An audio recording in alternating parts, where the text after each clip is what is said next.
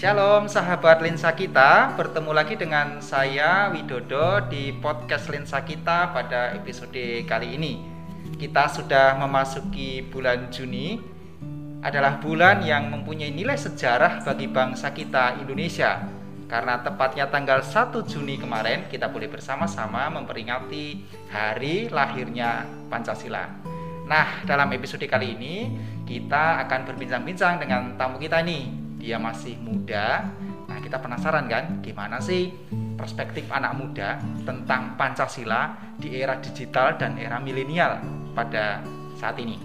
Langsung saja mari kita sambut dia Mareta Oki Safitri. Selamat datang. Terima kasih Mas Fit sudah mengundang saya di podcast lensa kita.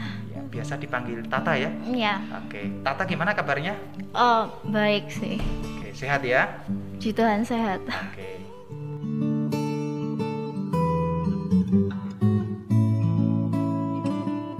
Oke Tata, di tanggal 1 Juni kemarin kita sebagai warga negara sudah sama-sama memperingati hari lahirnya Pancasila.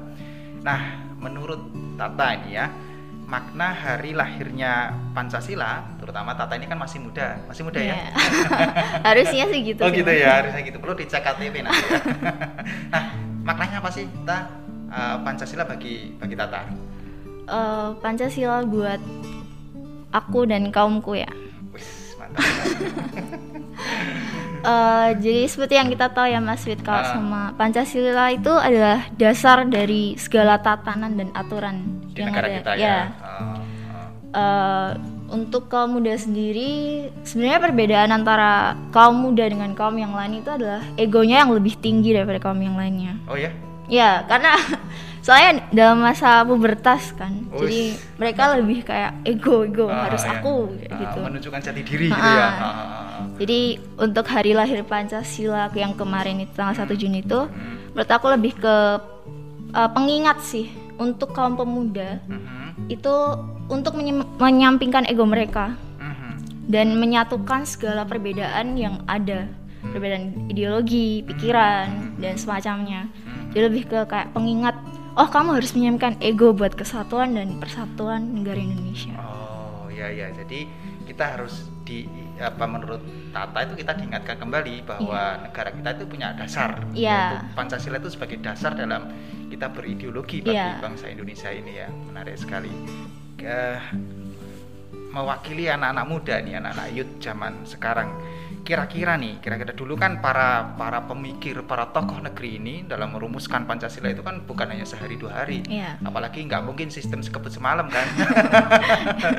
Mereka itu wah udah berembuk nggak? Mungkin beberapa hari. Nah kira-kira eh, ada nggak apa namanya keteladanan hidup yang kemudian bisa kita ambil terutama bagi Tata generasi-generasi Tata anak-anak muda sekarang meneladani eh, para pemikir-pemikir yang merumuskan Pancasila itu sehingga boleh menjadi dasar negara yang kuat Eh, yang pasti s- sikap berani mereka sih, hmm. sikap berani mereka untuk menyatukan segala ideologi. Bang Indonesia kan terdiri dari beberapa pulau-pulau. betul betul Nah, em, ketiga perumus dasar negara itu Ah, berkumpul dan menyatukan dari semua pikiran-pikiran yang rakyat-rakyat yang ada di pulau-pulau itu.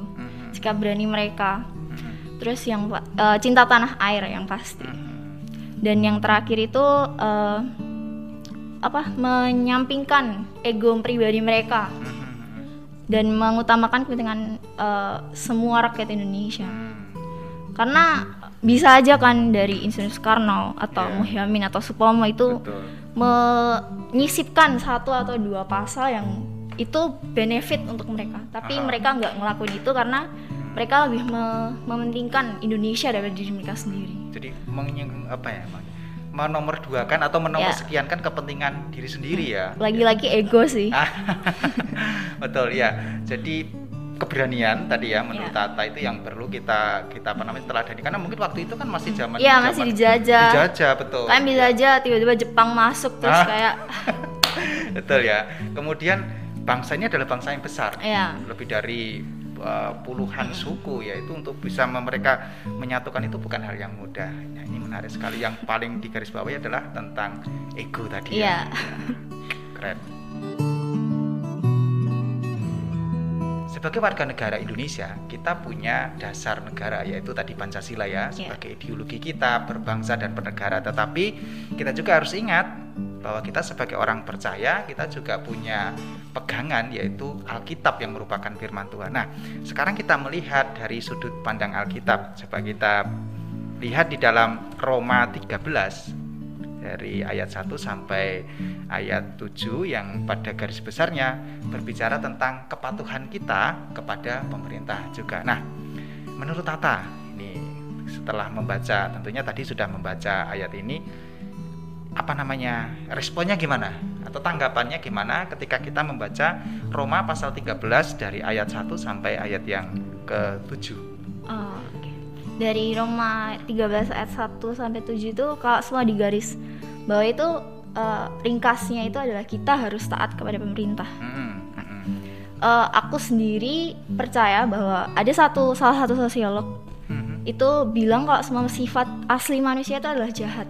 Hmm, gitu ya Ya, jadi eh, aku mempelajarinya di SMA kemarin. Hmm, Dia itu beliau bilang kalau sifat asli manusia itu adalah jahat. hmm, Tapi karena adanya norma, aturan dan semacamnya, Hmm. eh, sifat asli mereka itu berubah menjadi baik. Karena eh, norma dan aturan itu kan sifatnya memaksa kan, Mas Fit. ya Mau ya. nggak mau, Hmm, hmm. mau nggak mau kamu harus bisa juga ya ya kan? ya ya eh, dengan begitu. Sedangkan norma dan aturan itu yang eh, membuat adalah pemerintah, Ah. Kayak DPR, rancangan RUU dan ya, sebagainya. ya. Ah. Nah, kalau semua kita yang memiliki sifat asli Jahat. jahat, itu Ah. nggak tuh taat sama pemerintah, otomatis sifat asli kita itu tetap ada dalam diri kita. mendominasi ya Ya, tetap mendominasi gitu loh. ya ya ya ya Jadi Ah. ya itulah kenapa kayak Alkitab menyatakan bahwa kita itu harus taat karena dengan begitu sifat asli kita itu berubah menjadi baik karena norma dan aturan tersebut. Hmm. Jadi menariknya bahwa Alkitab juga melihat perlunya keseimbangan gitu Iya, ya. Kita keseimbangan. bukan hanya taat di dalam menjalankan aturan-aturan agama, Iya. tetapi kemudian menomorduakan aturan-aturan negara Iya, karena kita benar sebagai banget. warga negara yang baik, tetapi Alkitab juga menuliskan kita harus seimbang, taat Iya. juga kepada pemerintah gitu ya. Karena kalau di dalam ayat ini juga disebab, disebutkan bahwa barang siapa melawan pemerintah ia melawan ketetapan Allah dan siapa yang melakukannya akan mendatangkan hukuman atas dirinya. Nah, menarik sekali. Lalu gimana ini ta? Eh, Pancasila sebagai dasar negara kita berjalan seiringan dengan ajaran iman kita sebagai orang percaya. Adakah hubungan dari nilai Pancasila dengan ajaran Kristus? Ada nggak korelasinya gitu? Sebenarnya ada sih mas kalau Ah. semua ditelaah Ah. lebih mendalam.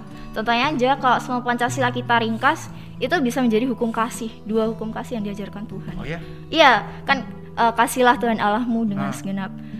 Itu eh, kalau semua dijabarkan itu bisa jadi sila pertama Pancasila, ketuhanan yang Maha Esa. betul. Terus kalau sama eh, hukum kasih yang kedua adalah kasihlah sama manusia seperti diri sendiri itu kalau dijabarkan jadi sila ke 2, 3, 4, 5. Sebenarnya balance banget sih. keren ya, keren keren keren. Berarti tetap ada korelasi yang Iya. kuat ya. Nih. Nah, kira-kira ini ta, apakah eh, menurut Tata eh, anak-anak muda sekarang punya pola pikir yang sama? Eh, seperti yang Tata maksudkan bahwa ada korelasi antara Pancasila dengan firman Tuhan itu gimana? Menurut Tata?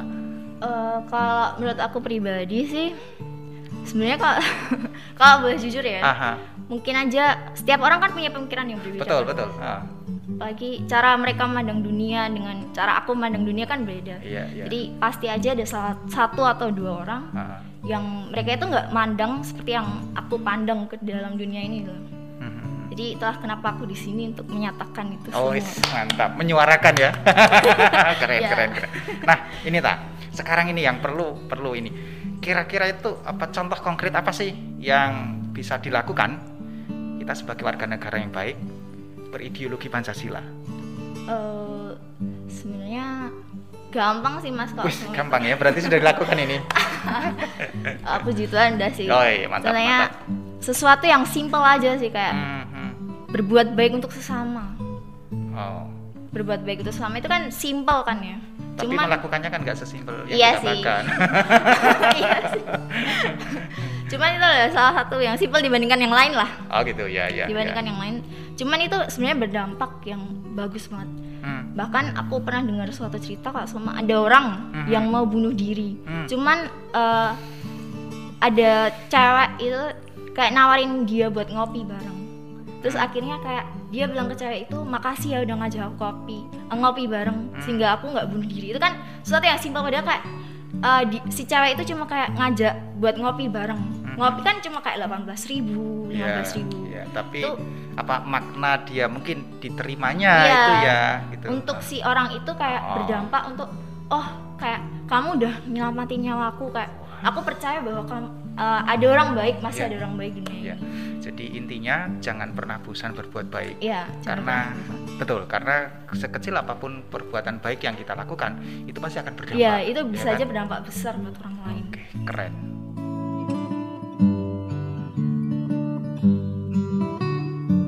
Kalau kita bicarain tentang Pancasila di era milenial ini seru ya, tak ya. Artinya kita ini anak-anak di era wah anak saya bukan anak-anak ya kalian yang anak-anak itu ya. Di era digital ini terus kita harus bicarain Pancasila yang itu lahir puluhan tahun yang lalu dan harus dihidupi di hari-hari ini dan masa-masa gini sebenarnya sangat menarik sekali tapi sayang sekali waktu kita sudah habis di episode kali ini.